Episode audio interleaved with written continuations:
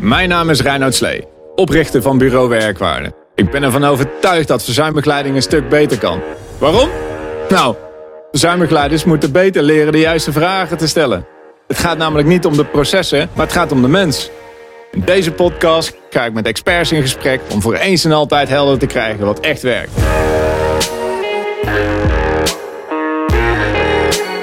Dit is de Werkwaarde Podcast. Nou, super. Welkom, uh, Bouke. Fijn dat je er bent. Koen, compagnon, super tof uh, dat je er ook weer bent. Weer ja, leuk om te zijn. Werkwaarde podcast. Uh, voordat we in de diepte gaan, um, zou je jezelf heel even voor willen stellen, Bouke? Want je hebt zo veel um, ervaring en je hebt verschillende organisaties en verschillende ideeën waar, ik ben, waar je mee bezig bent. Het is misschien wel leuk om voor de luisteraars heel even een klein voorstel, voorstel te hebben. Oké, okay, Bouke, Bouke de Boer. Uh, 72 jaar, uh, eh, 98 kilo. Ik weet niet of dat interessant is. uh, ja, ik ben van huis uit ben ik, uh, ben ik wel Fries. Mijn ouders zijn Fries en dat heeft een enorme belangrijke pad in mijn leven wel gemaakt. niet altijd in positieve zin. Ik ben wel in Noord-Holland geboren. En mijn leven lang heb ik altijd al iets met, uh, met topsport gehad. En ik wilde eigenlijk ook in, in de topsport gaan werken. En toen zag ik uh, twee fysiotherapeuten destijds bij Ajax en Feyenoord. Ik denk, dat ga ik doen. En zo ben ik fysiotherapeut geworden. En dat is compleet anders gegaan. Heb ik uh, heel lang een eigen praktijk gehad. Ben ik wel in topsportbegeleiding beland. En uiteindelijk met een heel verhaal, wat waarschijnlijk straks ook weer even aan de orde komt, ben ik in het wereldje beland van communicatie. Ik ben op dit moment getrouwd met Doreen, Doreen Groot. We hebben samen ons instituut. We hebben samen nog een zoon van 19. Hè, dus ik ben herkansvader. 72-jarige leeftijd, nog een jongeman van 19. En uit mijn eerste huwelijk heb ik uh, drie kinderen. En ik heb een bijzonder mooi contact met mijn eerste vrouw, die mij een paar dagen geleden een mooi sms stuurde. Dat ze diep en diep respect heeft voor het feit dat ik nog een nieuwe onderneming begin. Uh, dus, uh, nou, zo. Dat is dus een beetje over mij. Want je bent eh, NLP-trainer, eh, oprichter van NTI. En daarnaast uh, vanuit je eigen praktijk coach je en begeleid je ook nog. Ja. Ik ben uitermate voorzichtig door te zeggen ja, want ik ben oprichter van NTI NLP. Ah. We hebben vier, vijf jaar geleden kregen wij een dwangbevel dat wij binnen drie maanden onze naam moesten veranderen. En dat was NTI. Want zij deden ook NLP. Nou, zij doen het schriftelijk geloof ik. En wij bestaan al weet ik hoeveel keer langer. En de toenmalige directie heeft dat opgepakt. En ik vond het eigenlijk wel jammer, want ik had de confrontatie wel aan willen gaan. Dus wij zijn NTI NLP, Nederlands Trainingsinstituut voor Neurolinguistisch Programmeren. Hm. Ja. Dus dat ben ik. Ja, dankjewel. Koen, vind jij, vind jij het leuk om jezelf ook nog heel even voor te stellen? Ja, misschien even kort. Zou je eh, iets uh, dichter bij de microfoon willen? Ik schuif me heel even ik aan. Ik schuif een klein beetje aan. Ja, even kort uh, over mijzelf. Nou, Bouke en ik, wij kennen elkaar, wij kennen elkaar eh, natuurlijk ook. Ik uh, ben uh, compagnon van Reinoud en ik ben case manager, arbeidsdeskundige. En vanuit die hoedanigheid werk ik er naartoe om mensen zo snel mogelijk weer duurzaam aan het werk te krijgen. Ehm, zonder te veel flauwekul en langdradigheid. Dus vanuit het contact, dat is, dat is daarin mijn doelstelling. ik woon in Brenna, een hele leuke vriendin. En ja, ik uh, denk dat dat wel volledig is in die zin. Ja, ja dankjewel. Waar ik nou uh, heel nieuwsgierig naar ben, uh, is ook, wat, want je, je was vroeger fysio. Dat, dat, bedoel, dat doe je nu niet meer, toch? Nee, nee, al 30 jaar niet meer. Hoe is die, is, ik neem aan dat er een soort van overgang is geweest of zo. Of hoe komt het dat je nu totaal iets anders bent gaan doen? Nou, ik zei al bij het voorstellen, dat gaat vast wel komen. Uh, ik, ik leg mensen altijd uit als je, als je praat over communicatie. Dat, is, dat gaat er vandaag een aantal keer langskomen. Je hebt communicatie op niveau van omgeving. Hè, van hoe ziet dit eruit? Hoe hebben we dat hier geïnstalleerd? Uh, wat, hoe zijn we gekleed? Wat voor mensen zijn er? Nou, dat mhm. heb je thuis, dat heb je in een woning, dat heb je in dit gebouw, dat heb je in een land, overal. Puur omgeving, niets meer dan dat. Dan heb je gedrag. Wat doe je verbaal, non-verbaal? Uh, wat zijn je houdingen? Wat voor taal gebruik je? Op wat voor manier praat je? Dan heb je vaardigheden. Hoe doe je datgene wat je doet? Nou, jij doet dit omdat je de vaardigheden hebt. Uh, ik ben van huis uit fysiotherapeut. Dat deed ik omdat ik de vaardigheden had. Uh, Ik spot er wel eens mee. ehm, je kan ook president van Amerika worden zonder dat je echt de vaardigheden hebt. Maar dan doe je dat omdat je de vaardigheden hebt. En een arts is, eh, doet dat omdat hij de vaardigheden voor arts. Maar daarboven heb je je waarden en overtuigingen, identiteit. Wie ben je? En daarboven komt nog eens een keer, je, wat is je doel in het leven? Op een gegeven moment is het een natuurlijk proces dat jij klaar bent met wat je op gedrag en vaardigheden doet. Want dan wil je naar een hoger stuk in de communicatie, in je zijn. Spottend eh, zeg ik wel eens, als je 50, 60 bent en je bent nog fysiotherapeut, dan heb je ook een afslag gemist. Want dan ga je veel meer naar het mentale. Dan ga je veel meer naar het zijnsniveau. Nou, daar was ik al een beetje mee bezig. Ik zat in de topsportbegeleiding. En toen eh, deed ik Jong Oranje en Sprintploeg een aantal jaren samen met Jorrit Jorisma. En Jorrit communiceerde als een deur. En dan moest ik dat regelmatig, moest ik dat een beetje, nou, lijmen. Nou, ik was ook niet zo'n beste communicator, want ik was zo rechtlijnig als wat. Maar Jorrit, dat is heel bijzonder, die schaatste harder dan Art Schenk en Kees Verkerk. Alleen dat deed hij in de midweek. En hij, ze werd, hij werd ook genoemd de wereldkampioen van de midweek. Maar in het weekend kon hij niet, want dan had de spanning te groot, de stress was te groot. En zeiden steeds, je moet afstand nemen. En Jorrit kwam in contact met NLP eh, in Zwitserland, Denemarken. En die deed toen cursus en die ging toen een training geven. En toen had hij nog twee mensen nodig. En toen zegt hij, Bouke is ook wat voor jou. Nou, ik zeg, ik denk het niet, ik kom zeer voortreffelijk. Die nonsens, die hou je maar lekker voor je. Maar goed, uiteindelijk heeft hij ons uitgenodigd met Dor- Doreen en mij. En ik was net klaar bij AZ, waar ik fysiotherapeut was. Dus toen gingen we één keer in de 14 dagen gedurende een half jaar training doen. Nou, de eerste twee dagen heb ik enorm veel weerstand gehad. En hij zei steeds, geloof het niet, ga het toepassen.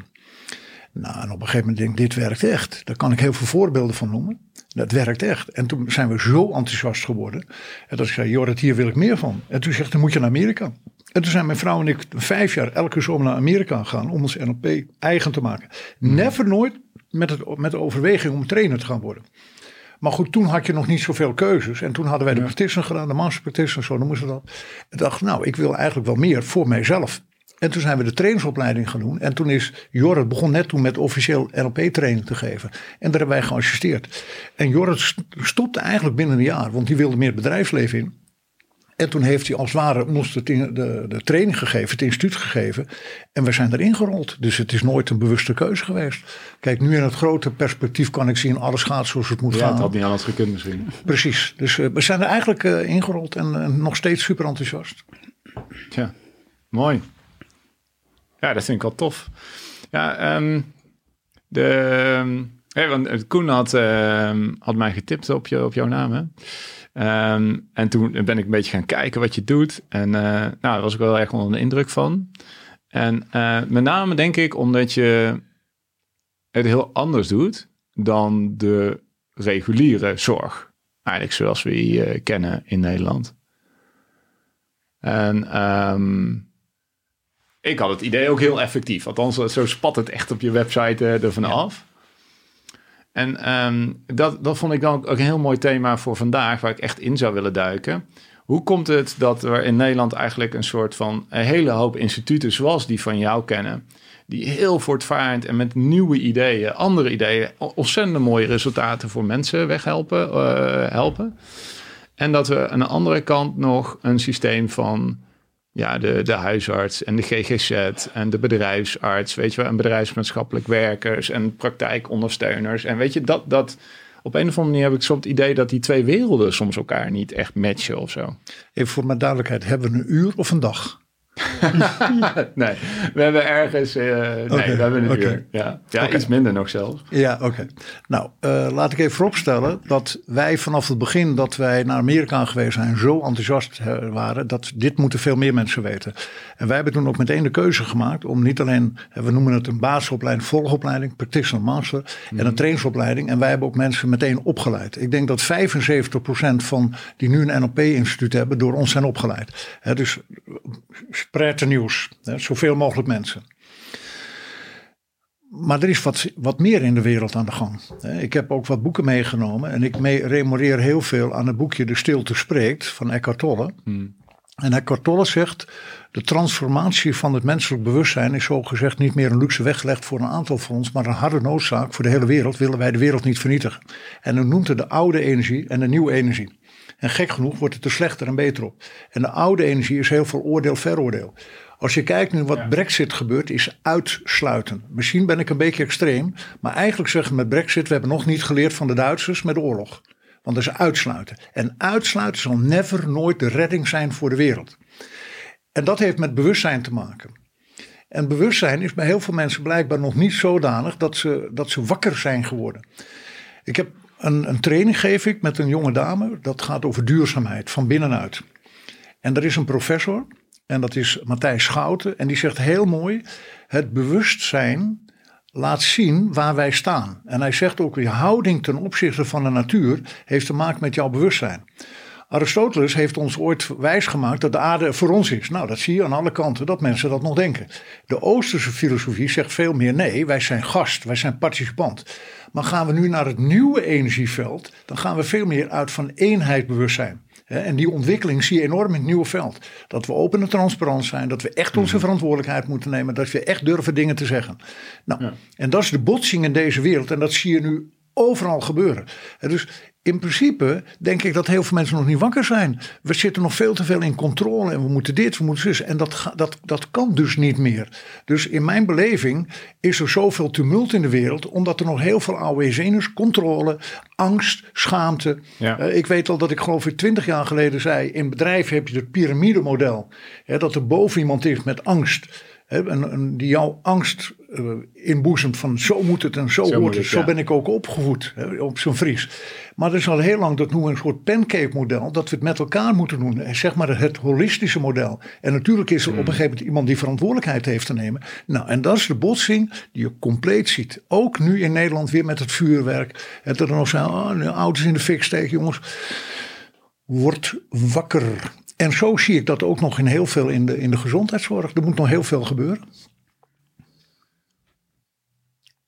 Ja, zou ik dan, ik, ik, als ik dat heel even terug naar mijn eigen werkveld zie, hè, ons werkveld, dan, ehm, dan zie je vaak dat eigenlijk daar de bedrijfsarts is, hè, die, uh, die de scepter. Um,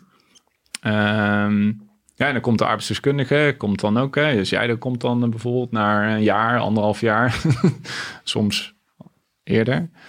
En dat gaat nog steeds, denk ik, heel erg veel in beoordelen uh, en tewerkstellingen. Uh, ik vind dat wat jij kan, zeg maar. Um, en de, de motivationele aspecten, zeg maar, van of iemand heel graag wil,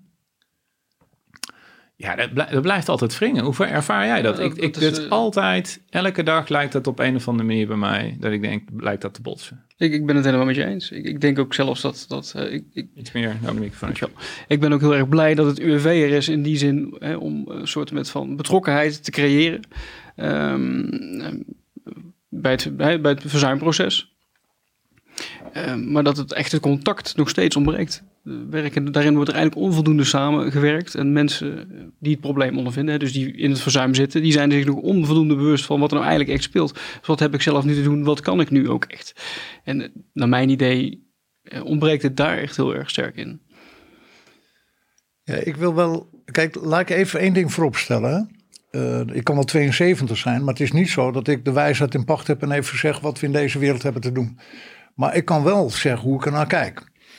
En ik denk dat ik al 15 jaar roep, uh, want het is ook even goed om te, laten weten dat ik ben uh, eh, NLP-trainer, maar wat mij veel en veel meer geholpen heeft, is dat ik ook systemisch werk doe.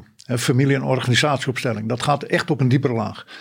Uh, als we echt denken, we kunnen met NLP de wereld redden, dan zeg ik stop hem meteen, dat gaat niet worden. We moeten op een diepere laag. NLP helpt je uh, op een, een hele mooie manier. Ze snappen hoe communicatie werkt en wij weten feilloos wat mensen zeggen. Uh, dat, dat, maar dan gaan we op een diepere laag. En dat noemen we systemisch werk.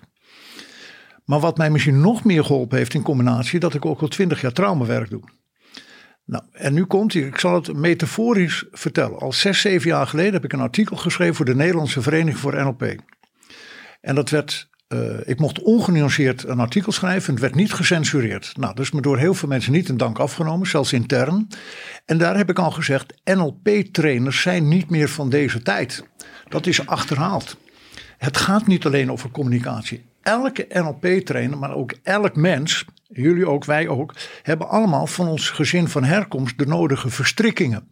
Afhankelijk wat daar gebeurd is. Nou, dat gebeurt op dit moment alleen maar meer, omdat heel veel ouders scheiden, niet in contact zijn en dan, ben je als kind. Nou, en vanuit systemisch perspectief zeggen we, je hebt binding, je hebt met een binding, je hebt een binding met je vader en moeder, maar ga je ook in verbinding. Je hebt een binding met je man zijn, vrouw zijn, je hebt een binding met alle gebeurtenissen, maar ga je ook in verbinding. Hmm. Dan gaan we het over plek hebben, hè, volgorde. Dan gaan we het over geven en nemen. Nou, een kind heeft te nemen. En er zijn mensen die zeggen: een kind heeft te nemen tot hij 1,22 is en dan gaat hij de wijde wereld in. Nou, heel veel kinderen kunnen niet nemen, want er is veel grensoverschrijdende problematiek. Ouders die niet zijn. Dus dat is op een diepe laag. Generaliserend is ook elke NLP-trainer, elk mens heeft ook zijn trauma's. Eckhart Tolle noemt het de pijnlichamen vanuit de geschiedenis. Pieter Levine mm. noemt het de traumadelen. Dus als je als NLP-trainer niet naar je eigen stuk kijkt, is het een kansloze missie. Nou, en dat traject hebben wij met elkaar ook gehad. En wat zal ik in het verleden ook gehertraumatiseerd gedaan of geweest zijn. Ja? Getraumatiseerd, hergetraumatiseerd ben ik bezig geweest. Niet weten dat het was. Nou, en dat zei ik tegen jou door de telefoon met alle respect. En het is even een boute uitspraak. Ik ga niet zeggen alle, want dat gaat me te ver. Maar heel veel mensen die leiderschap moeten geven. Mhm. Of het nou een vader of een moeder is. Of het is in een bedrijf. Of het is een organisatie. Of wat denk je bijvoorbeeld in Amerika? Wat denk je in Wit-Rusland? Wat denk je in Amerika? Wat denk je in Arabische landen? Dat zijn hevig getraumatiseerde mensen. Die dus hun trauma's projecteren op de mensheid. Dus op het moment, en dan voel ik bijna de warmte hier in mijn gezicht komen. Want hallo, gaan we wakker worden? Dan voel ik bijna opwinding. En, maar ik voel ook de tranen in, in mijn ogen. Gaan we dat nou eindelijk eens een keer begrijpen? Dat we dus op een veel diepere laag moeten gaan kijken. Nee, dat doen heel veel mensen niet. En waarom ben ik er zo ongelooflijk duidelijk in? Hmm. Want mijn vrouw, die toevallig vanmorgen dan, geloof ik, 3500 contacten naar eh, boekhandelen heeft mogen sturen. Die heeft een boek geschreven. Dat heet Blij. Ik ben ook getrouwd met een zwaar getraumatiseerde vrouw. Die 8, 9 was dat haar broer overleed en de plek van de vader ingenomen. Met alle anorexia en bulimia. Maar op de een of andere wijze heb ik dat kunnen, kunnen handelen. Hè, want ik weet nog de eerste keer dat ik haar ontmoette. Volgens mij heb je anorexia gehad. Ja, zegt klopt. Nou, dan zou ik maar een beetje kanen. Ik geloof waren we een paar jaar in relatie. En toen zegt ze, ja Bouk, ik moet toch wat bekennen. Ik geef nog wel eens over. Nou, als je dat morgen weer doet, laten we vandaag goedkoop eten. Want ik vind het een beetje zonde voor de poen. Dus blijkbaar, door het leeftijdsverschil, wat voor reden heb ik het kunnen handelen. Maar ik heb heel vaak gezegd, ik ben getrouwd met de dood. Maar door alle processen die we gedaan hebben, met waar, waar ik het nu net over heb, is zij zodanig geheeld. En zijn we ook nog in relatie. Want het is ook niet altijd even makkelijk geweest. Nou, en dat geldt voor alle mensen. Dus goedemorgen of goedemiddag, ik weet niet wat het nu is. Maar als wij niet op die manier gaan kijken. Jongens, de geschiedenis gaat zich herhalen. Dus dat is een, een compleet andere laag. Nou, gaan we maar eens goed antwoord, vragen bedenken. Inderdaad. Maar dit is waar het om gaat. Ja, dat is dus echt het contact. Dat moet, mensen moeten bereid zijn, zeg je eigenlijk, om meer naar zichzelf te kijken. Van waar, wat heb ik zelf nu te doen om ja. uh, mensen meer eigenlijk ook in hun kracht te zetten. En dus eigenlijk meer samen in plaats van alleen. Ja. dat hoor ik jou ergens ook zeggen. Ja. ik denk dat als we dan kijken naar het bedrijfsleven, dat dat dan uh, ook een hele sterke preventieve werking zou kunnen hebben. 100 procent. En Koen, ik word meteen als je dat zegt, waarom zijn wij 15 jaar geleden een lagere school begonnen? Mijn vrouw en ik hebben een lagere school opgericht. Ondanks de overheid is hij er nog. Want daar hebben we heel veel geld in gespendeerd. Maar op een gegeven moment zei doen we stoppen ermee. Ik zeg nee, we stoppen er niet mee. Dorien en Bouke zijn ongeveer 1,2 miljoen kwijt aan een schoolproject. Want we moesten eerst instantie alles betalen. En dat gaat over dit. Dat je kinderen van kinds af aan leert de eigen verantwoordelijkheid te nemen. Mm. En een ander energieveld. Dus dat je veel meer vanuit jezelf gaat. En we wilden toen eigenlijk nog veel meer scholen, maar ja, dat was niet mogelijk. En eigenlijk is ook waar we nu beginnen nog meer het concept: jongens, neem je eigen verantwoordelijkheid. Maar wat ik, ik misschien zeg ik een beetje veel, door mijn verbondenheid met Suriname, dat zal vast ook nog aan de orde komen, heb ik ook begrepen dat ik op een diepe laag zo met dat land verbonden ben, dat boslandcariolen, dat noemen ze wel eens, die kunnen verder zien. En ik roep al twintig jaar, mijn grote wens is dat veel mensen misschien eens een keer ernstig ziek worden. En dan spreken erop dat ze weer beter worden. Want blijkbaar moet iets gebeuren mensen wakker worden. Nou, en dat heb ik dan zelf ook mogen ervaren om ziek te zijn. Maar ik roep ook al, en dat heeft hier ook mee te maken. De wereld is blijkbaar niet in staat, de mensheid is niet in staat om echt wakker te worden en Nee. op een effectieve manier met elkaar om te gaan. Nee, dat herken ik heel erg. Maar dan komt hij. Dus wat zeg ik? De wereld gaat op een gegeven moment, al twintig jaar geleden, het universum gaat zorgen voor andere kinderen. Dus wat zien we nu? Heel veel nieuwe tijdskinderen. Heel veel kinderen met hoogsensitieve gevoelens. Heel veel kristalkinderen. Heel veel indigo-kinderen. En dat is de toekomst. Die kinderen moeten wij steunen. En dat ga ik ook in het nieuwe instituut. Wil ik ook zorgen dat wij plek gaan krijgen voor die kinderen. Om die te steunen voor de nieuwe wereld. Is, is daar nog, nog ruimte in voor de mensen die op dit moment daar een soort hopeloos in, eh, in vastlopen? hè? Want ik, ik, moest, ik moest heel een soort van op, op kouwen toen je dat zei. Omdat ik dat heel erg ehm, herken uit, uit de praktijk. Ik, ik denk dat ik op dit moment ook al een aantal casussen heb waar mensen eigenlijk langdurig ziek zijn. En die dat in het verleden ook al een keer zijn geweest. En die eigenlijk aan mij constant vragen om, eh, om rust. En ik, en ik krijg steeds meer het idee dat de meeste mensen in een reïntegratietraject niet echt, dat, dat die vooral uitrusten. Om vervolgens, zeg maar, eh, uitgerust eigenlijk weer in hetzelfde, precies in dezelfde stappen en in dezelfde fouten weer te lopen. En om dan vervolgens na anderhalf jaar of zo, of na een jaar, Ja, klopt. het hele circus gewoon weer helemaal op vooraf aan begint. Dat klopt. Ja. Welkom in de realiteit van het leven. Eh, Ja, ja dat doet- dat doet mij wel echt oprecht iets. Ehm, wat, wat, zouden we voor die, wat, wat zouden we voor die mensen kunnen betekenen? Ik kom nog even terug. Eigenlijk zou het mooi zijn dat ik bij wijze van spreken hier een, een frip over heb om te schrijven. Eh, ik ga even terug naar de systemische velden. We hebben binding, volgorde, geven en nemen. Dat noemen wij velden. Als er een schending is van een deze velden, ontstaat er een dynamiek. En een dynamiek kan je zo eh, uitgebreid noemen als je wilt. Dat kan zijn dat je verbonden bent aan de dood, zoals mijn vrouw. Ik ben verbonden met een dynamiek, ik maak me groter.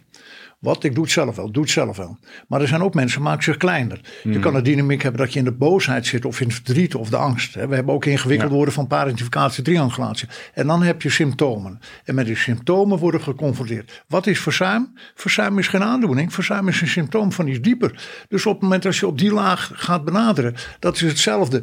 Als jij als fysiotherapeut, ja man, ik heb pijn in mijn nek. En je zit de hele tijd maar in de nek te masseren. Nou, ik ben, ik ben manueel therapeut geworden om het holistisch te benaderen. Als, ik weet nog dat wij in het verleden met UWV hebben ook soms drie, vier dagen training met zo'n groep mensen gehad. Nou, wat is de basis van die mensen? Vertel ze eh, oorzaak gevolg. Eh, wij hebben zo'n mooie metafoor, zit je voor in de bus of achter in de bus. Ik heb altijd, laat ik een mooi filmpje zien of een roltrap. Nou, dan stoppen die mensen, die stopt dan, boem. En dan blijven die mensen staan. En iedereen snapt, ja jongen, dan gaan, loop je er gewoon door. Dus we moeten onze eigen verantwoordelijkheid nemen. Maar te veel mensen, als hij nou maar dat doet, als zij nou maar dat doet, als die directeur nou maar dat doet en mevrouw doet dat, kansloze missie. Dus we moeten alleen maar wijzen dit. Dus die mensen, die grote groep, als ze nog het bewustzijn hebben om het te begrijpen, hè, daar maken we ook een nederige buiging voor. Maar dat is het enige dat je elke keer weer mensen op wat voor vorm ook verbrengt naar een eigen verantwoordelijkheid, eigen verantwoordelijkheid, eigen verantwoordelijkheid. En als dat niet gebeurt, gaat de geschiedenis zich herhalen. Absoluut. En dat mooi. is ook wat je ziet. Het, het, het herstellen van verbinding, eigenlijk met jezelf en met je familie. En, Exact. eh, en ehm, ik vraag me dan ook af van hoe, want Reinhard die zegt ook van ja, hoe kunnen dat dan, wat kunnen we voor die mensen betekenen, ook vanuit verzuim, of wat kunnen leidinggevenden daarin betekenen? Hoe, hoe zou jij die opstap zien? Wat, wat, wat denk jij dat het de snelste weg zal zijn? Nou, het gaat in eerste instantie natuurlijk over bewustzijn. Kijk, er is een grote groep mensen zal niet zo geïnspireerd zijn als ik om eh, boeken te lezen of eh, misschien ook boeken te schrijven. Maar als je het boek leest van Daniel Goleman, die schrijft er al heel lang over, over het nieuwe leiderschap. Dat als jij eens een keer een goed gesprek hebt en je hebt nog een paar keer een goed gesprek, of je hebt eens een keer een dag training, dan prikkel je de neocortex. Dat is, wij gaan nu besluit nemen viool spelen, gitaar spelen. We gaan dus één keer in de maand misschien dat ding ter hand nemen en dan pretenderen wij dat te kunnen spelen. Kansloze missie natuurlijk. Of tennis of golf of wat dan ook. En je moet het limbische systeem prikkelen. Dus je moet regelmatig terugkerend iets. Nou, de enige manier is om dat regelmatig te doen. Dus hoe gek het ook klinkt, en ik wil me absoluut niet groter maken, maar ik, ik zou wel een boek kunnen schrijven over mensen die ik ontmoet heb, die tien of twintig of dertig keer een gesprek hebben gehad met een, eh, met een psycholoog. En na één training zal gezegd, nou ik heb hier al meer geleerd. Hè, er zit ook in jouw groep een, een jonge dame, nou die is al jaren aan het klooien. En die zegt, Bouke, ik heb het meest gehad aan, aan practitioner destijds in al die gesprekken.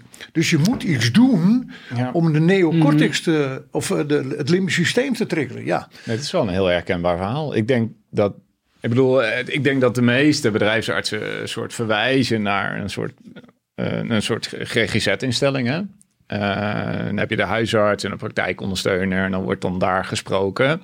En dan wordt er doorverwezen. Nou, die wachtlijsten zijn erg lang. Um, ja, wat, wat mij heel erg verbaast, is, dan hoor ik, dan spreek ik soms mensen die dan op eigen initiatief, nou, bijvoorbeeld een NLP-training hebben gedaan, of, of een andere training, hè, want er zijn er allemaal opleidingsinstituten die het ook, zeg maar, nou, uh, uh, die nieuwe energie, hè, wat je dat noemt, die nieuwe energie hebben. En die dan een soort anderhalf jaar, misschien al misschien wel tien jaar al met dezelfde problematiek aan het worstelen zijn. En misschien een anderhalf jaar ziek zijn. Maar eigenlijk als je eerlijk kijkt, al heel lang bezig. En die dan in één keer een soort na vijf dagen, zes dagen terugkomen. En die dan zeggen tegen mij, Reinoud, is goed. Ik, ik, ik weet het nu. Het is oké. Ik ga weer aan de bak. Het is duidelijk nu. Of ik stop. Of uh, nou, in ieder geval maar... Ik, heb, dan zo ik heb een uitdaging voor jullie. Uh, en, het ontroert me zelfs uh, dat ik dat uh, nog even zo ook zeg. Uh, hoe mooi zou het zijn dat jullie voor 2021 over een paar maanden een groep hebben van een man of 15 die in dit heftige traject zitten. En dan kom ik vier, vijf dagen training geven en dan vraag ik niks voor. Dan gaan we gewoon eens een keer echt aan de slag van hoe het moet. Want dat is de enige manier. En dan zal je zien, want ik heb al wat ervaring, dat een aantal mensen het oppakken. En een aantal mensen zijn zo getraumatiseerd, die zijn niet meer helaas voor redden. En dat moet je dan ook maar nemen. Dat we zijn al zo verziekt met elkaar dat je dit mensen niet altijd even kwalijk mag nemen, want er gebeurt nogal wat. Als ik dus, dat, dat is niet helemaal correct wat ik zeg. Nou, het is wel correct, maar ik, ben ook, ik moet een beetje voorzichtig blijven. Als je ziet wat er een paar weken geleden in, in uh, Zeeland gebeurt. Die man die al tien jaar een, een dubbele relatie heeft. Zijn vrouw en zijn zoon van twintig weten van niks. Die heeft dan een vriendin met twee kinderen. Die die al tien jaar projecteert in parenclubs en in auto's. Mogen die kinderen daar even het een en ander doen. Ja? Denk je dat die kinderen ooit nog een keer een normaal leven kunnen leiden. Dat is bijna onmogelijk. Nou, en zo zie je dat er zoveel kinderen zoveel misbruikt worden. Zoveel, er gebeurt zoveel. Nou, en als jij dan ouder wordt, dan komt alles weer terug, komt alles weer terug. Ik bedoel, dan kan je de boeken overlezen, wat dan ook. Kijk, Karen Bloemen heeft het mooi opgepakt, die heeft er mooi over geschreven. Ik heb met die Bram Bakker, eh, die psychiater, die heeft ook een aantal jaren het uh, depressiegala gedaan.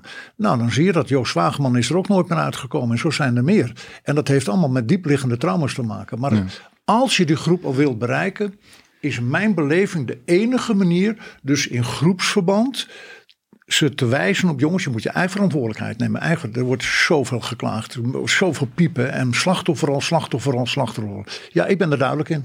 Ja, zo. Dat is een flinke klus, denk ik. Als ik dat, ik probeer even de vertaalslag te maken naar werkgevers. Nou, die, die hebben dan echt nog wel wat te doen. Want niet iedereen, al niet iedere medewerker, nou laat staan medewerker, gewoon iedereen. Ik denk niet iedereen is zich daarvan bewust. En hoe dat bij hem of haar zelf allemaal gaat. En, en jij hebt schetst net die processen waarin mensen uh, zichzelf opladen. En dan tijdens een verzuimprocedure proces. En vervolgens denken ze dat ze het weer kunnen. En vervolgens vallen ze weer uit met dezelfde klachten. Enige tijd later. Dus er eigenlijk niks gebeurd in de tussentijd. Maar hoe, ja, dan, dan zouden dus werkgevers ergens bijvoorbeeld ook iets van trainingen moeten gaan faciliteren. Of, uh, je kan het natuurlijk niet afdwingen. Nee. Maar ja, weet je, um, die, daar zou wel een keer een gesprek over gevoerd mogen worden. Op het moment dat iemand, uh, zeg maar, weer voor de zoveelste keer ziek is en dan weer uitgerust is en dan weer hetzelfde gaat doen.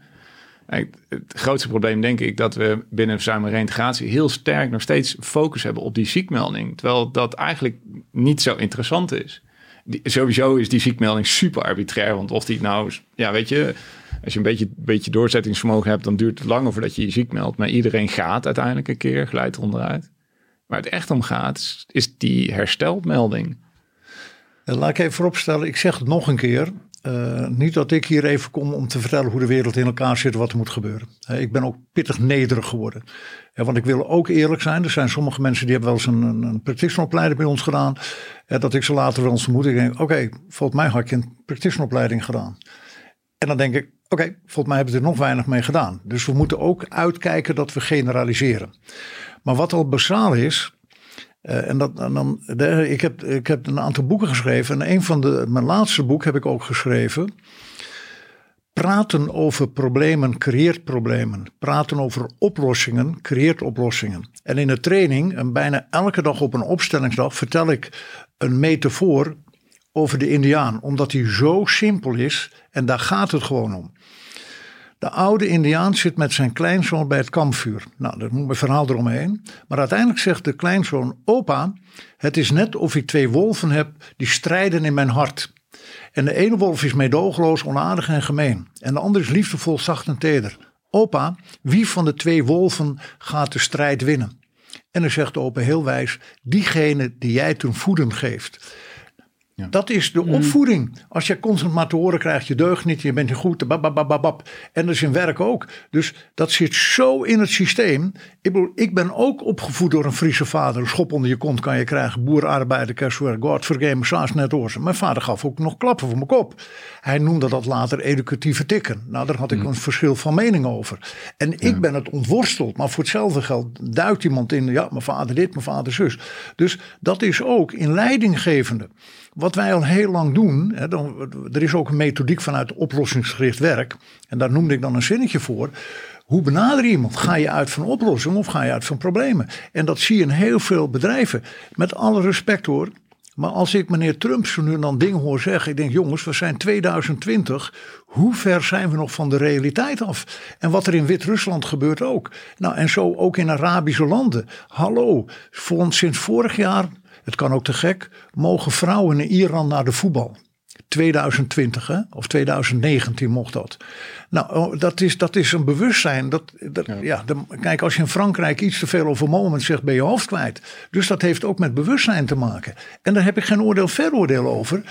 Maar dat is er wel.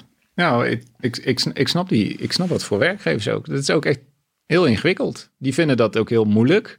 Um, en uh, het gebeurt, denk, het kan denk ik ook, of waar die werkgevers denk ik bang voor zijn, of leidinggevende bang voor zijn, is dat op het moment dat ze vragen gaan stellen, doorvragen, uh, informatie teruggeven, voorbeelden uit de praktijk teruggeven dat iets niet werkt, of wat zij zien of wat zij vermoeden, um, dat, dat, ja, dat dat niet landt, of dat er misschien dat gesprek helemaal uit, uit de bocht vliegt.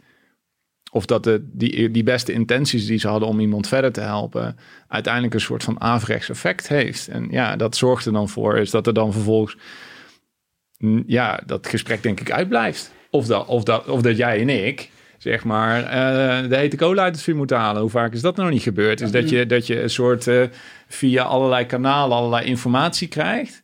En uh, ja, bedoel, uh, dat je informatie krijgt die de leidinggever, die de medewerker zelf niet heeft. En dan moet jij dat maar heel even gaan fixen. Klopt. Ja, ik denk ook regelmatig van het contact is eigenlijk essentieel. Eigenlijk altijd. En dan goed, als ik jouw verhaal zo hoor, is het contact dus echt gewoon met, je, met jezelf. Ja. Eigenlijk het contact. En ja. uh, in zo'n gesprek is het afstemmen natuurlijk ontzettend belangrijk. En je ziet nog wel eens dat dat natuurlijk in de praktijk lastig is. Werkgever heeft werkgeversbelangen. Werknemer heeft de werknemersbelangen. En dan kan maar één, hoeft maar één ding te zijn waardoor dan zo'n traject kan ontsporen. Waardoor het verzuim dan misschien langer duurt of trajecten langer duren. En vaak ook onnodig, denk ik een beetje. Ja, ik, ik, ik ga het nog een keer zeggen, omdat ik dat wel belangrijk vind. Ik pretendeer hier nu even niet de waarheid in pacht te hebben en vertellen hoe het moet. Dan, dan, dan ga ik me te groot maken. Maar wat, wat centraal staat, dat heel veel mensen nog niet begrijpen, dan, dan, dan ben ik ook verbaasd over. En dat heeft natuurlijk ook te maken dat ik nog zo lang in de materie zit. Alles, maar alles gaat altijd over jouw persoonlijk proces. Dat geldt voor een werkgever, geldt voor een vader, geldt voor een moeder, dat geldt voor mij, dat geldt voor jullie. Maar hoe bereid zijn we werkelijk naar ons eigen proces te kijken? Want heel veel mensen wijzen nog, ja, het ligt aan hem, het ligt aan zus, het ligt aan zo. En wat we ook helemaal nog lang niet begrijpen allemaal.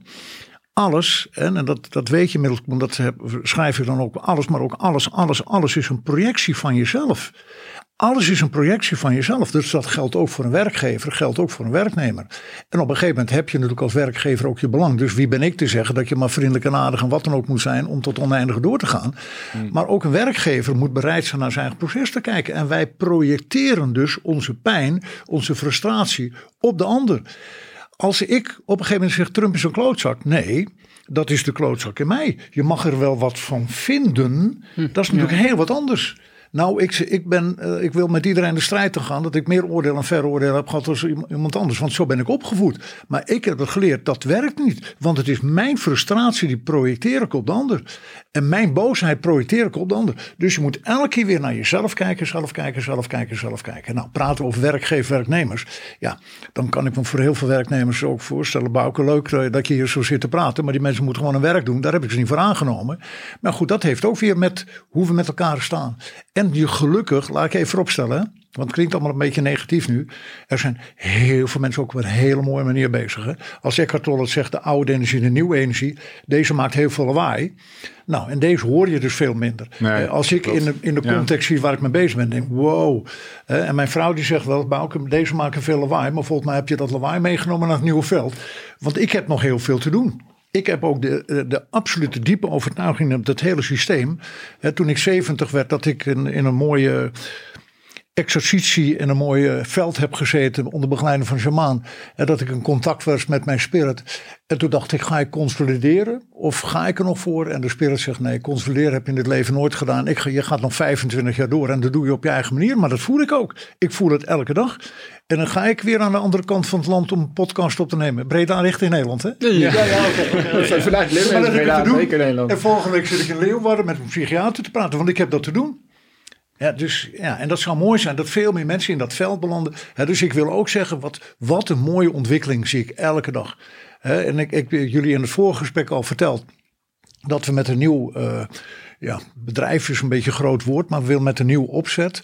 En daar heb ik financiële steun nodig. Dit boekje, dat heb ik van Stefan de Vrij gekregen, de voetballer van het Nederlands elftal. Mm. die zegt, volgens mij vind je dat leuk. Die is ook met dit soort dingen bezig. En die steunt ons daarin.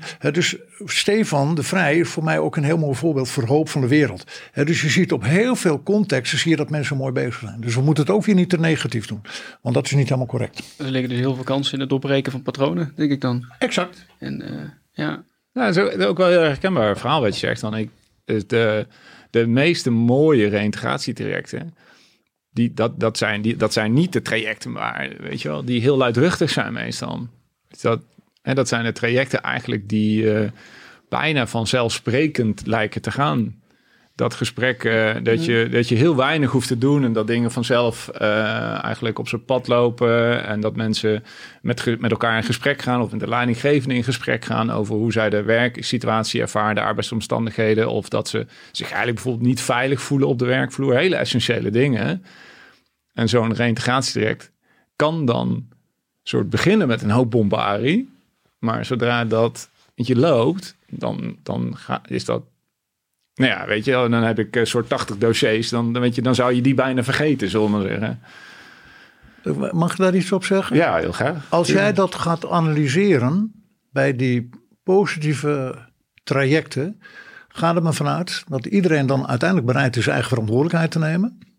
Ja? Mm. Dat er feedback gegeven kan worden. En dat mensen dat ook durven te ontvangen.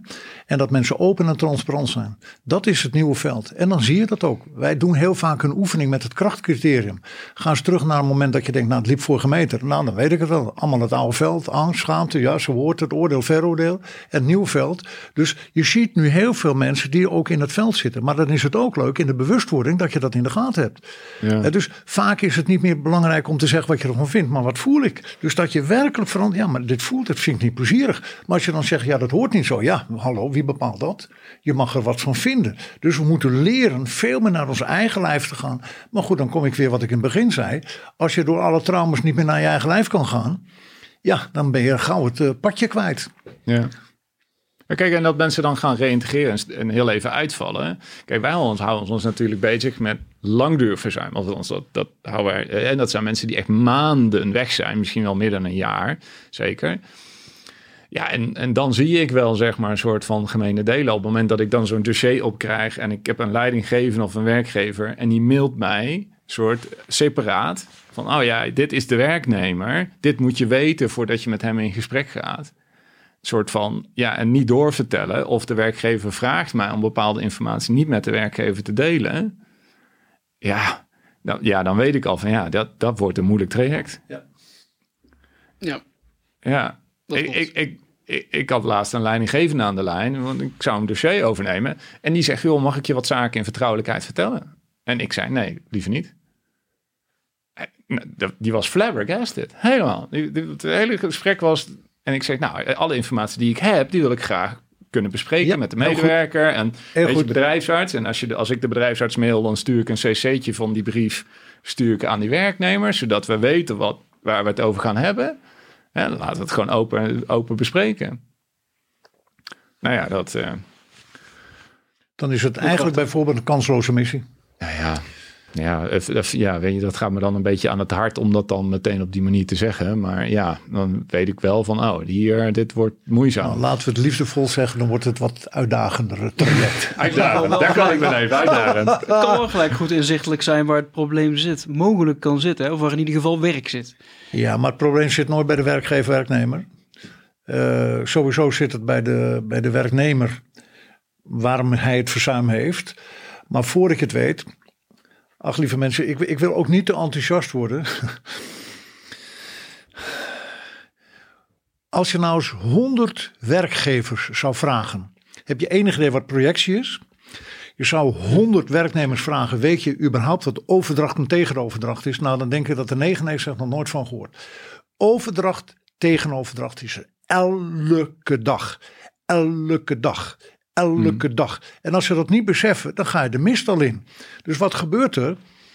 Uh, ik, ik, ik, leg het heel, vaak heel simpel uit. Als ik een groep heb van 20 mensen die voor mij zitten. Nou, dan ben ik Bouke. Ik weet wat is over NLP. Ik ben uh, 72 nu. Ik ben man. Ik ben vaderzoon. Da, da, da. Is er een positieve overdracht, is er niks aan de hand. Maar als ik met mijn grote bek uh, er sta, dan kan het zijn dat de mensen getriggerd worden. Oh, dat is net mijn vader. Wat een eikel. Als een vader grensoverschrijdend mm. oh, dat is net die lul van mijn vader. Of iemand, ik heb het ooit gehad, die had een vader die, die nou, die was echt klein gemaakt door autoriteit. Nou, voor die weet ben ik een autoritaire, autoritaire eikel. Dus gaan mensen in een negatieve overdracht. Nou, dat gebeurt in een werkgever-werknemer situatie elke dag. Dus werkgevers of de leidinggever projecteren heel vaak een eigen iets op de wer werknemer en andersom. Nou, als je dat niet in de gaten hebt, dat noem ik dan even een kansloze missie. Maar goed, dat wordt de uitdagende situatie nog wat groter. Maar tegenoverdracht, mensen zijn niet voor niets leidinggevende. Dat heeft ook te maken met hun systeem van herkomst, dat ze in een parentificatie of triangulatie zitten. En als het positief is, een positieve tegenoverdracht, hè, dan ben ik naar de groep, ben ik een vader, ik ben een broer, ik ben een, een partner, weet ik veel. Als dat allemaal positief is, dan is er niks aan de hand. Maar als ik die mensen even ga vertellen wat ze moeten doen, die klootzak, wat denk je wel even niet? Ja, dan ben ik niet meer de werkgever of de leidinggevende, maar dan ben ik de boze vader van vroeger die ik projecteer op de ander. Nou, dat heb ik ook heel lang gehad bij mijn eigen vrouw. Ja. Dat heb ik ook heel bij, bij mensen gehad, want ik maakte hem altijd groot. En, en dat projecteer ik op iedereen. Nou, daar zat niet iedereen op te wachten. Maar ik snap het verhaal nu wel. Eindelijk. Ja. Maar heel veel hebben dat nog nooit gehoord. En ik vind zo'n mooie zin, die kreeg ik twintig jaar geleden al met vanuit traumawerk. Het effect van je interventie is afhankelijk van je interne staat. Het effect van je coaching, het effect van je leiderschap, het effect van je vaderschap, het effect van je partnerschap, vul het met alles in. Het effect van hoe jij coacht, met verzuim, heeft te maken met jouw interne staat. Maar als jij nog allemaal beperkende overtuigingen hebt, ik ben niet de moeite waard of ik kan dat niet. Hè, zoals jij ook zo mooi vertelde hoe je vroeger erin stond en nu heel makkelijk even dit doet. Zou je vroeger denken, oh kan ik dat wel?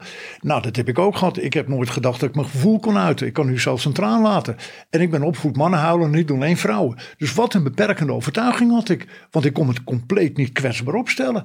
En ik doe het zelf wel, doe het zelf wel om in de schuld te staan. Dus jouw interne staat, als hier nog heel veel angst zit of schaamte, ja, die neem je elke dag mee. Dus als je ja. niet bereid bent om daarna te kijken, nou, dus het effect van je interventie, leiderschap, is afhankelijk van jouw interne staat. Nou, welkom bij de club.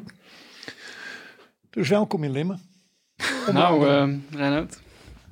Nou ja, inderdaad. Ja, ik ben wel enthousiast hoor. Hey. Ja, zeker. Ja, ik, ik moet, ik moet, uh, ja, als ik, jij dat na deze bijeenkomst niet begrepen hebt dat je ook naar Lim moet komen, dan kom ik nog een keer. Mm.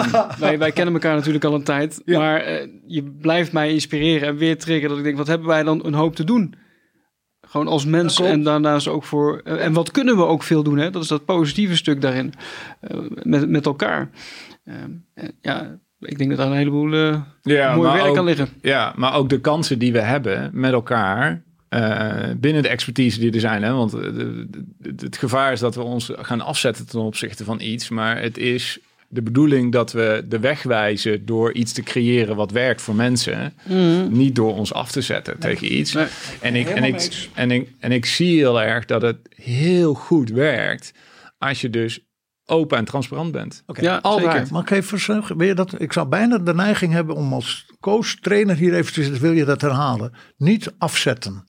Nou, dat gebeurt met de brexit. Dat gebeurt in Amerika. Dat gebeurt in Wit-Rusland. Dat gebeurt in Arabische landen. Afzetten. Saai is het er net oors. Nou, dat werkt dus niet meer. Dat werkt dus niet meer.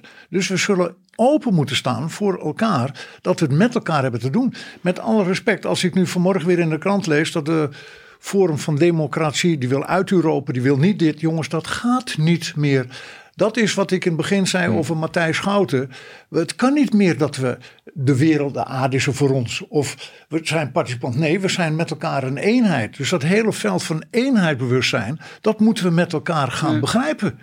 Eh, En dat zie je nu wat, wat de, virus ervoor zorgt. Nou, eh, alles heeft met elkaar te maken. En als we niet bereid zijn op die manier te kijken, dan noem ik het een kansloze missie. Ja, dat is dan wel zeg maar het punt ook wat ik nu zo maar beter snap, hè, dankjewel daarvoor, is dat er altijd een overdracht plaatsvindt tussen de leidinggevende of de werkgever dan en de medewerker. En dat ze eigenlijk allebei projecteren naar elkaar Exact. toe. Altijd. En ehm, uiteindelijk zeg maar, hoe beter dat gaat, eh, constructiever, warmer, menselijker, geef het een naam, hoe beter, nou ja, hoe minder snel je denk ik ziek wordt. Exact. Maar ook hoe meer voedingsbodem het is om een medewerker die echt een keer dat die oude trauma's gaat doorleven. Of eh, je, iedereen er maakt, maakt een keer shit mee. Dat je, daar, ehm, dat je daar veerkrachtig mee kan omgaan. Exact. Dus de kunst is, even mooi geformuleerd vanuit onze perspectief, dat we in een wereld zijn met een positieve overdracht en een positieve tegenoverdracht. Nou, Ja. dan hebben we nog even een uitdaging. Ja, ik denk wel dat we dan ook wel moeten beginnen met een nonsens van je hebt soort werkgerelateerd en niet werkgerelateerd verzuim. Dat, dat zeg maar, dat we daar Ja. wel even alle, alles Ja. eerst mee, mee moeten stoppen. Want ja, weet je, het feit is gewoon is dat een werknemer rechtspositie heeft en dat hij ziek is. En dat de enige manier wat echt goed werkt, is dat je een, een medewerker terugkrijgt op de werkvloer. Niet omdat hij weer uitgerust is, zodat hij daarna weer dezelfde wedstrijd kan lopen, maar dat hij echt handvat heeft gekregen. En dat die werkgever misschien ook iets heeft geleerd over hoe je nou misschien werk eh, beter kan indelen. Of hoe je nou werkprocessen kan aanpassen of zo. Dat het gewoon meer menselijk is. En, en, en voor, de, voor de werknemer is het misschien ook wel de kritische vraag, zit ik wel op de juiste plek? Hè? Want dat kan natuurlijk ook. Ja. ja, en voor de werkgever heb ik wel de juiste mensen aangenomen. Exact. Ah, absoluut mee eens. Ja. Nou, er kwam bij mij nog een mooi zinnetje naar boven. Eh, ik heb een paar jaar eh, heb ik een, eh, op Nijrode een verander, verander, management, traject van verander management. Ik weet niet meer hoe het heette. En er waren allemaal hoogleraren verbonden. En er was een hoogleraar, Ab Dijkstrahuis, die heeft ook een prachtig mooi boekje geschreven over het slim onbewuste. En die tekent op het papier, op een flip over, zet hij een punt. Die vertel ik ook altijd bij trainingen. Dat puntje heb ik miljoenen, miljoenen, miljoenen keer te groot getekend. De bol eronder heb ik miljarden, miljarden keer te klein getekend. Dat puntje erboven is het hoofd, de ratio, het denken, het cognitieve. En dat bolletje is het hart, is het voelen. Misschien zelfs de laag van de ziel. Dat is je lijf. Hoeveel mensen zitten niet in het hoofd? Heel veel. Die zitten enorm in de ratio. Wat er nu in de overgang van deze wereld gebeurt, dat gaat ook bij leidinggevenden. Want ik ga nog een keer zeggen, er zijn ook heel veel positieve berichten. Ook heel veel leidinggevenden. Laten we vooropstellen, er zijn heel veel bedrijven ook die gaan steeds meer die kant op. Maar goed, dit maakt veel meer lawaai. Dus dit wordt nog wat minder gehoord, maar die zijn er al heel veel.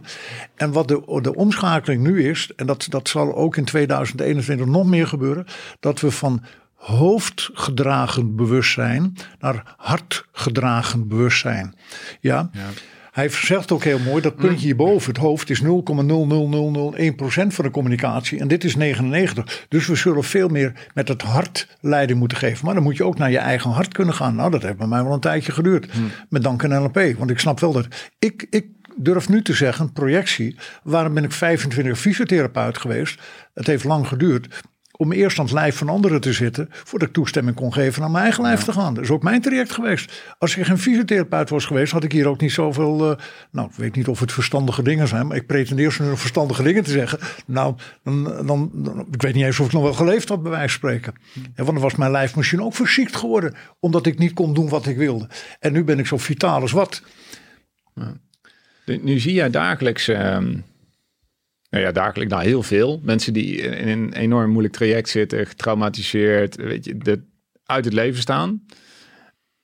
Uh, heb je een, een soort uh, een tip voor een leidinggevende of een werkgever die dat ziet gebeuren bij zijn medewerker? Die daar ook veel om die medewerker geeft en hem oprecht verder wil helpen? Die, waar die bij wijze van spreken morgen mee zou kunnen starten. Zo, nou, jeetje. Ik met een subtiele glimlach zeg ja, maar dat is een beetje de humor. Die leidinggevende zou ik uh, een adres geven in Limmen, maar dat is waarschijnlijk niet helemaal wat je bedoelt. Nou, nou direct, weet je, dat, uh, dat, lijkt me wel mooi. Dan nou, pakken we dat direct gewoon uh, eventjes bij, wat je, wat, waar wat we jou leid, kunnen vinden. Wat een leidinggevende, dan, dan geef ik ook heel vaak een van mijn boeken mee. die zou ik willen verwijzen naar pagina 117. daar zit, dat noemen wij de waarneemposities. De waarneempositie kan geassocieerd zijn in jezelf.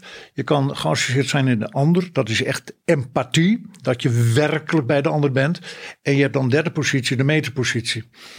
dus de tip is dat uh, heel veel mensen, niet alleen uh, werkgevers, uh, misschien werkelijk de beweging maken om vanuit neutrale positie voor dat je dat kan, dus te kijken wat er gaan is. Maar we zijn zo geneigd om vanuit ons eigen manier te werken. Ik vergeet never nooit meer. In 2002 dacht ik, maar ik hoor laatst 2004, ik weet niet meer.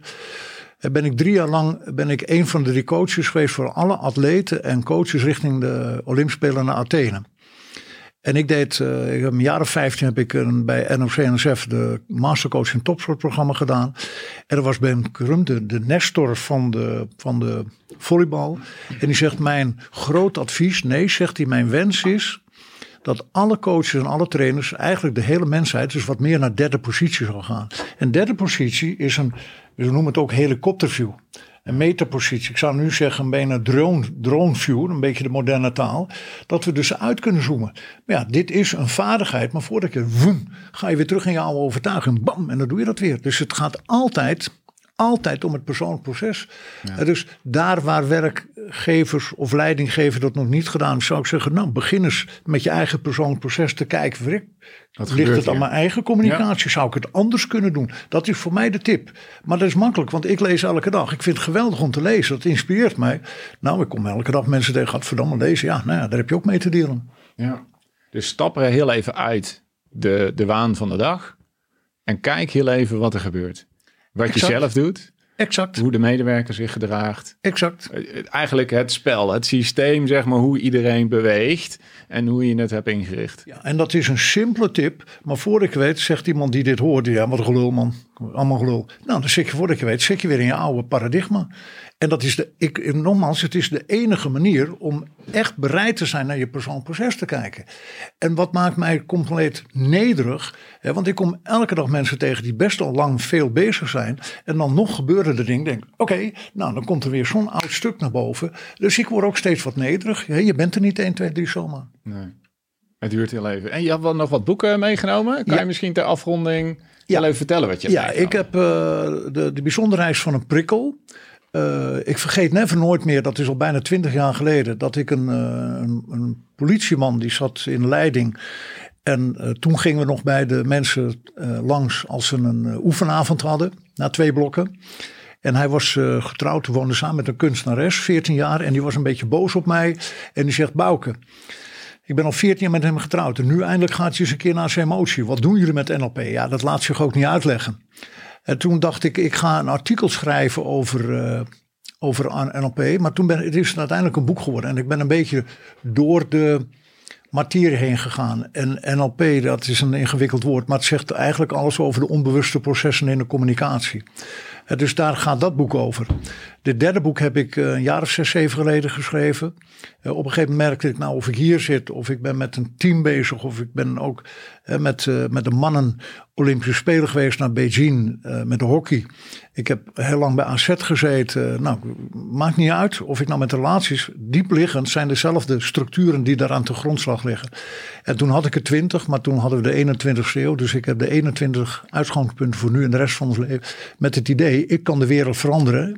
En jij weet wie ik ben, want het gaat altijd over jezelf. Nou, dat andere boek, dat heb ik ooit een keer uh, geschreven. Omdat ik een paar keer uh, mee mocht doen met het programma Je Echte Leeftijd als mental coach. En uh, dat heb ik toen over geschreven, bepaal je eigen leeftijd. Ja, dus dat, is, dat heeft daarmee te maken. Nou, en, en ik, ik, hoe, komen de mensen, hoe komen de mensen aan deze boeken? Uh, nou, die heb ik niet meer in. De, die dacht ik vind het leuk. Dan raak ik de laatste 200 toch kwijt. Dan geef ik ze weg. die heb ik niet meer. collectors item deze. Precies. En deze boeken kunnen mensen gewoon uh, via onze site bestellen. Of via mij, weet ik veel. Via de site van ons instituut. NTNLP in Limmen. Super. En, en nog even een tip. Je hebt hem al hè? Ik heb, Wat heb je daar? Nou, dat is uh, voor alles dankbaar. Ik heb nu, vorige week heb ik een boek gekregen. Dat is een, een dik boek. Daar kan ik zelf uh, inschrijven over dankbaarheid. Ik, uh, ik werk al een jaar of vier, vijf samen met Sven Goedbloed. Dat is een man die werkt met shamanistische achtergrond. En de shamanen zeggen dat het allerbelangrijkste medicijn wat wij in de wereld hebben, dat is dankbaar zijn. We hebben het daar verder nog niet over gehad, en dat hoeft ook niet. Maar ik zit vier, vijf keer in de week in de zee. Dus vanmorgen zat ik ook in de zee, doe koude training. Maar dan zit ik ook altijd zo even als de, de golven het toelaten, want soms vallen we om. En dan ben ik altijd dankbaar voor, voor, de, voor deze dag, maar ik ben ook dankbaar voor alle mensen. En uh, jij komt ook elke keer langs, want ik dank altijd de cursisten en alle mensen die op ons pad zijn gekomen met NCLP. Dus dat je weet dat je elke dag even in de zee ligt. En dan ben ik dankbaar. Maar er is ook veel onderzoek aan gedaan. Uh, dat er verschillende stofjes zijn, die je ook met hardlopen kan mm. doen, die je opwekt, wat zeg maar een geluksfactor is. En als we elke dag dankbaar zijn, dat is heel helend voor ons uh, werk. En dus als ik dan een, echt een tip mag geven, niet voor werkgever en leidinggever, maar voor maar ons allemaal. Voor ons allemaal, dankbaarheid. Ja, dankbaar zijn. Wij doen het mm. met het gezin ook wel eens. Dan pakken wij eventueel de handelsmijn. Dan zijn we dankbaar. Ons zoon vindt het nog wel een beetje raar, maar gaat er wel in mee. Dus dat we elke dag dankbaar zijn. En dan creëren we een ander iets of een watteringszooi, wat een zo dankbaar voor wat er is. Heel krachtig. Mooi. Ik ben zeker dankbaar voor, uh, voor jouw tijd hier. En uh, ik vond het een hele inspirerend podcast. Dank je wel dat ik naar jou mocht, uh, mocht luisteren. Um, ik weet eigenlijk gewoon niet wat ik zeg. Ik, ik zit eigenlijk nog steeds aan het, aan het, op een, aan het verwerken. en dank je wel daarvoor. Echt super. Ook helemaal dat je vanuit Limmen hierheen bent gekomen. Het is ja, een goede ja, trip. Ja, het is toch het. in Nederland? Ja, het is, het, is, het is een goede trip. Ik weet het. Nou, dan geef ik, uh, omdat je die vraag ook gesteld had, een subtiele vraag voor de volgende. Oh ja, dankjewel. Hoeveel mensen in dit land nog kijken dat burn-out een aandoening is, maar niet gewoon een heel simpel symptoompje van waar ik het nu net over had heb. En ik, ik weet zo vaak dat mensen dat bij overspannenheid en nou, ik noem het een energielek en ook burn-out. Burn-out is gewoon heel simpel een symptoom. En net zoals heel veel aandoeningen gewoon symptomen zijn van een dieperliggend iets. En ik zeg je, ik weet niet of die mevrouw er ook zo naar kijkt, dat er nog heel veel zijn nijpers een aandoening. Nou, dat noem ik dus je reinste nonsens. Dus uh, die vraag mag je wel subtiel neerleggen. Of, of uh, burn-out een aandoening is. Of, en ik zeg niet bij deze mevrouw, maar of er nog heel veel in het veld van burn-out zijn, ja. die zeggen het is een aandoening. En burn-out is gewoon een symptoom. En net zoals reuma is ook een symptoom. Maar ook, hoe gek het ook klinkt, als je echt heel kritisch bent, dan is vaak kanker is ook een symptoom van een dieper liggende oorzaak. Ja, wat heel veel met het immuunsysteem te maken heeft. En ik snap nog steeds niet in gezondheidszorg dat mensen nog niet veel uitgebreider naar het immuunsysteem kijken. En dat is ook met een burn-out. Met burn-out is een symptoom van iets wat waarschijnlijk heel erg al systemisch bepaald is. Nou, als we op die laag niet kijken, zijn we een pappend nat houden. Okay. Ik ga het te vragen. Ja, dat doe maar. Waar maak je bos met nat? Mag ik nog één ding vragen? Ja, natuurlijk. Ja. Um, van jouw boeken, hè? Uh, ik denk dat ze allemaal even inspirerend zijn, misschien zelfs wel beter. Stel, hè, want er zijn nu uh, straks gaan er mensen kijken. Uh, en dat mensen denken, hey, interessant. Met welk boek maakt dat uit waar ze mee van start zouden gaan? Of wat denk jij dat het beste boek zou zijn om een aftrap mee te geven? Een aftrap mee te maken. Zo, nou, ik denk generaliserend. Als je wat even wat in de eenvoud wil blijven om wat basisprincipes te snappen. Uh, op basis van het feit mhm. dat het je interesseert. En dan zou ik denken, ik kan de wereld veranderen, jij weet ik. Dat, dat is in een paar avonden uit te lezen en daar heb je ook wat aan. Zeg nee, ik wil veel verder echt in de communicatie. En ik wil ook weten wat NLP eventueel is, dan is er de bijzonderheid van een prikkel. Maar dan heb je even wat meer uitdaging met lezen, want dat, is, dat, is, dat leest niet zo simpel. Uh, en dan, dan zou ik die adviseren. Oké, interessant. Ik denk dat onze kijker daar wel... Uh, en luisteraar. Voet, ja, zeker een luisteraar inderdaad mee, uh, nou ja, mee door kan. Hartstikke nou, leuk, dankjewel Bouke. Ja, nou, nou, ik ben ook dankbaar dat ik hier mocht zijn en uh, dat ik uh, mijn, mijn ding met jullie mocht delen. En ik wens jullie ook nog heel veel succes voor de, de komende jaren, ook met jullie werkzaamheden. Dankjewel. Bedankt voor het luisteren naar de podcast. Wil je meer weten over een effectieve verzuimaanpak? Download dan mijn e-book over de 7 oorzaken van te hoog verzuim op werkwaarde.nl.